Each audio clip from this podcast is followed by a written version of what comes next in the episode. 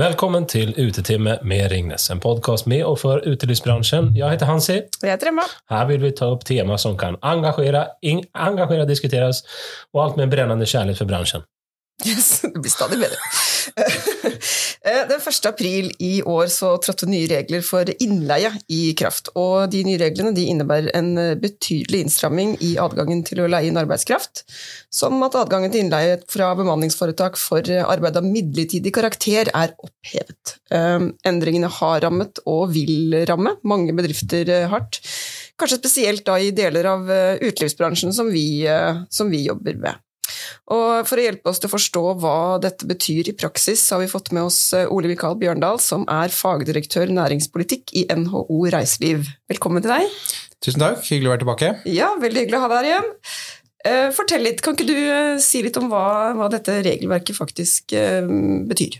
Ja, eh, som du presis sa, så kom jo dette en endring i adgangen i arbeidsmiljøloven arbeidsmiljølovens paragraf 14-12, hvis man skal være veldig sånn eh, hvilken paragraf det gjelder. Men eh, det er jo da adgangen til å bruke bemanningsselskaper, eh, såkalte innleiebyråer, som er blitt ganske kraftig innskrenket. Eh, og det er jo da slik at eh, hvis du eller for, å begynne der hvor det er aller alvorligst, i bygg i Oslo og Viken så er det helt totalforbud uansett. Der kan du ikke lenger bruke regional, et regionalt forbud. I byggebransjen? Ja. ja. Mm. Eh, og det kan jo si at eh, det var jo i byggebransjen man så kanskje at det var eh, mest utfordringer med bemanningsbyrået, men, eh, eller og bruken av bemanningsbyrået var størst, men den var i ferd med å også reduseres.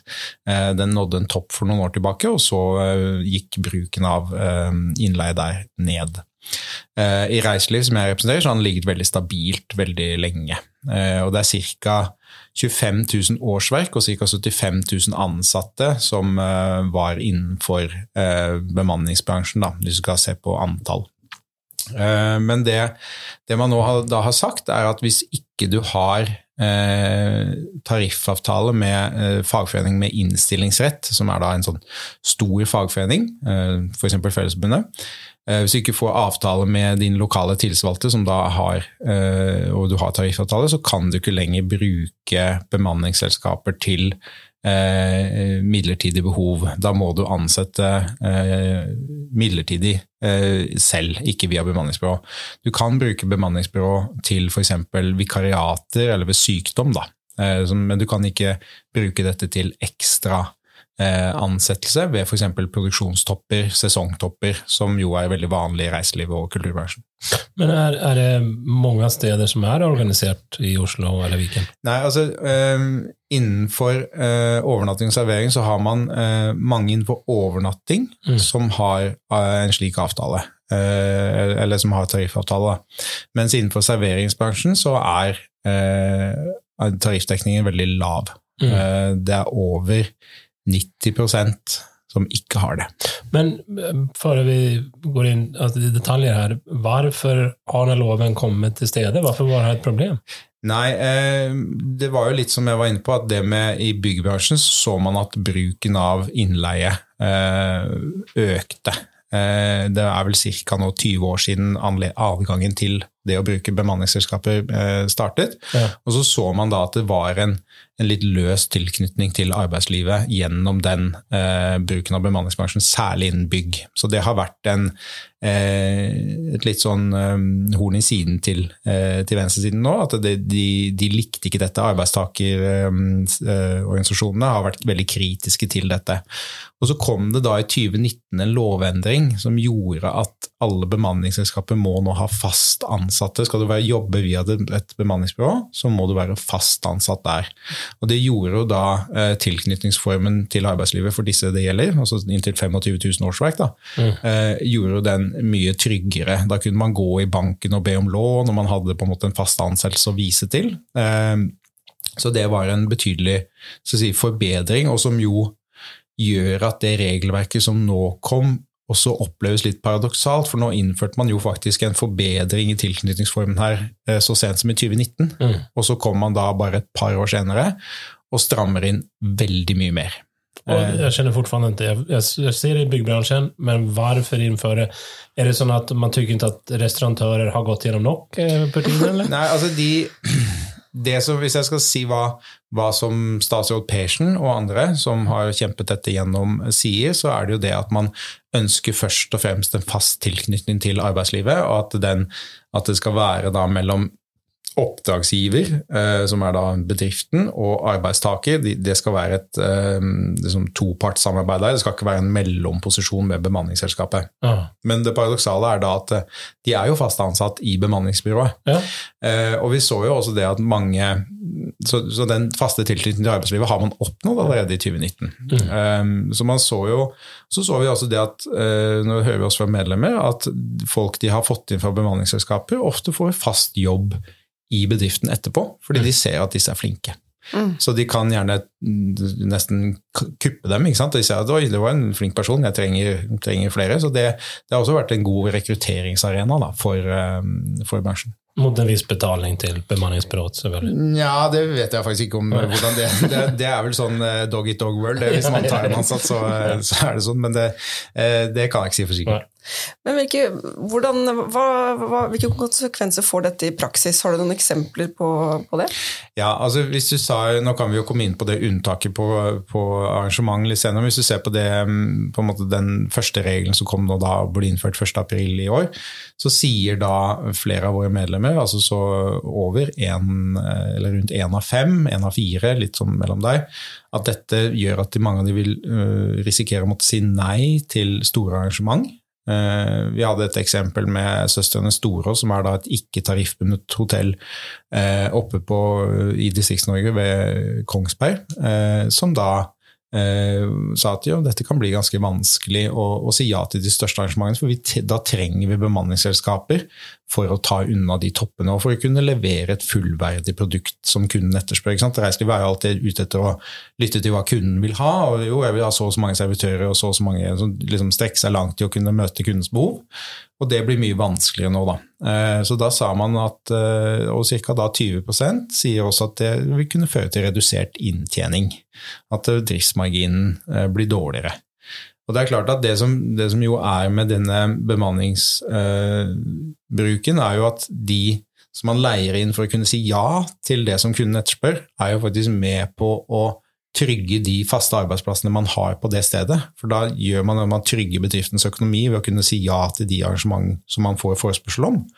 Eh, Og det er jo ganske trist da, hvis nå mm, eh, man får en dårligere inntjening og egentlig verken kan ansette flere nye, og kanskje risikerer å miste konkurranse. Eh, Hvis det ikke-tariffbundne hotell rundt omkring eh, taper i konkurransen til byhotell med, eh, mm, ja, med tariff, så er jo det kanskje ikke det Senterpartiet ønsker når de sitter i regjering, men det er jo- de har jo vært med å innføre dette på regelverket allikevel. Men er det her en ønske for at man, flere skal organisere seg? Eller? Eh, det Trepartssamarbeidet i Norge er jo bra, og NHO er jo også veldig for faste ansettelser. Det skal være hovedregelen i eh, norsk arbeidsliv. Det er vi veldig klare på og syns det er veldig bra at folk er fast ansatt. Og, men det er jo eh, Jeg tror ikke det har med organisasjonsrett. Jeg tror heller man ser på dette som at bemanningsbyråer er en ikke god nok tilknytning til arbeidslivet. Man hopper nærmest bukk over den regelendringen som kom i 2019. Og så, eh, og så sier man at nei, bemanningsbyrået det funker ikke. Ja. Det, det, vil, det vil vi stramme inn bruken av virkelig. Og så skal det være, og det, det paradoksale er da, hvordan skal du da få tak i disse? Jo, da må du ansette midlertidig. Ja. Så da er du ikke lenger eh, ansatt fast i et bemanningsbyrå. Da blir du heller sånn at man ringer til, eh, og så må du ansette midlertidig på en 20 stilling, f.eks. hvis du har et behov i en sesong eller ved en produksjonsstopp. Ja. Så du får litt vondt i Så, så om, du har, om du er organisert eller om du er festival og riggen, så går det bra å bruke bemanningsbyrå, men om du serverer ikke organisert eller serverer på festival, så kan du ikke bruke Ja, nå foregriper du eventene. fordi etter, etter 1. april, så, eller i stortingsbehandlingen da, dette er jo, Nå er vi ordentlig nerder her, men altså i stortingsbehandlingen av den, det regelverket som kom 1. april, eh, så, du var det på høsten 2022, der ble det gjort en flertallsmerknad med Arbeiderpartiet, Senterpartiet og, og andre, som, som, sa da at eh, jo, ok, innenfor kultur- og arrangementsbransjen så er det litt spesielle behov. Og det vet jo vi alle som liker å gå på festival, og som jobber i uteliv og alt mulig sånn, at der er det plutselige produksjonstopper, og, og man har, må jobbe mye og har bruk for mye folk i korte perioder, mm. eh, og så er det plutselig helt stille. Så der sa man ok, vi må ha, et, vi må ha et, en ordning for dette, må ha et unntak. Og så sa man da at ok, eh, vi gir Arbeidsdepartementet i oppdrag å sammen med partene inngå en eh, finne en løsning på det behovet som er der. Og det, det, hadde de da fått innspill fra, eh, fra, bransjen om også. Så det var jo på en måte en, en, bra ting, at man i hvert fall så det i merknaden i Stortinget. Og så gikk jo Arbeidsdepartementet i gang med den dialogen med eh, oss og, og, Virke og andre som er, og norske kulturarrangører og andre. Eh, jeg vil ikke si at dialogen var optimal, men den var i hvert fall til stede, og vi spilte inn våre behov. Eh, og så ble det gitt nå i påvente av eh, liksom, en konklusjonen på det, det, unntaket, så ble det gitt en generell adgang til å bruke bemanning selv om du ikke hadde ved kortvarige arrangement, selv om du ikke hadde tariff. Så, det, så i år nå så har det vært en, et generelt unntak på mm. kortvarig arrangement. Og så har, kom de da med en, et, en høring da, rett før sommeren nå, eh, hvor de sier at eh, de som Eh, vi tolker det flertallsmerknaden i Stortinget dit hen, og mener da at vi har hatt dialog med partene også, og eh, at det kun er sceneteknisk arbeid og rigg som skal få anledning. Og så skriver det at servering og andre anses ikke. Eh, så det betyr ganske enkelt at hvis du eh, skal jobbe på en festival, så er det greit eh, om du kommer fra et bemanningsselskap, hvis du klatrer rundt i riggen og monterer lys eller lyd, andre ting.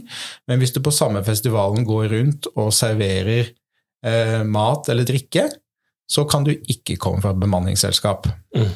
Uh, og det er jo litt snodig, og det legges jo her opp til nærmest at uh, mat og drikke er en mindre viktig del av festivalopplevelsen enn det scene, lys og rygg er. Og det er klart at jeg hadde sannsynligvis gått og sett Tul på Øyafestivalen uh, selv om jeg ikke fikk mat og drikke, men det hadde vært ganske greit å få servert mat og drikke allikevel.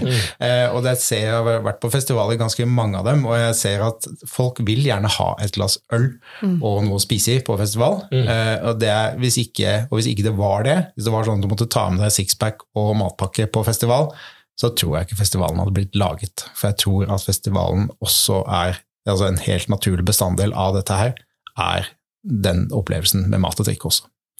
Og Den har kanskje til og med blitt viktigere i løpet, i hvert fall matdelen. Eh, drikkedelen har nok alltid vært helt vesentlig, men jeg ser også at matdelen er jo blitt enda viktigere på, som en del av mm. festivalopplevelsen.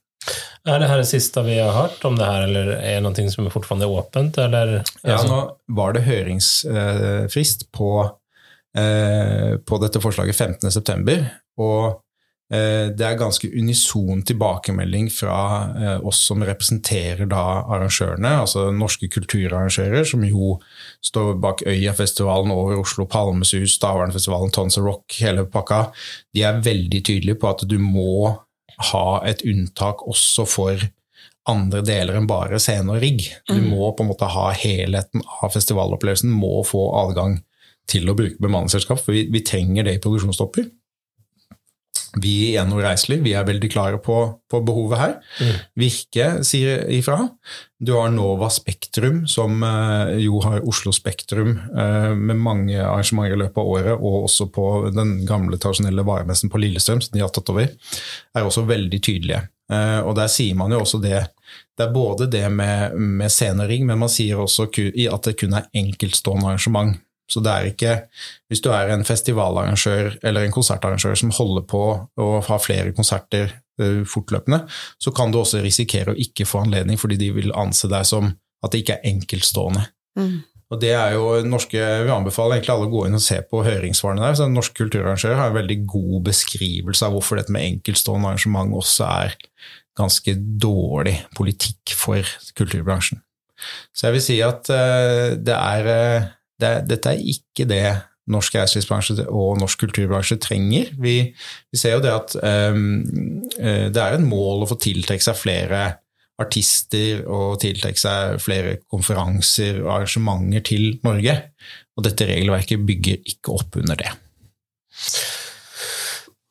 Tusen takk for at du kunne komme og forklare litt mer. Eh, Jeg håper jeg ser endringer i det her også. Ja. Tusen takk for at du kom, Mikael. Bare hyggelig. Og da sier vi takk til vår produsent Nils Nirisrud og ansvarlig redaktør Johanna Ellefsen Rostad. Og Husk lik, del og abonner!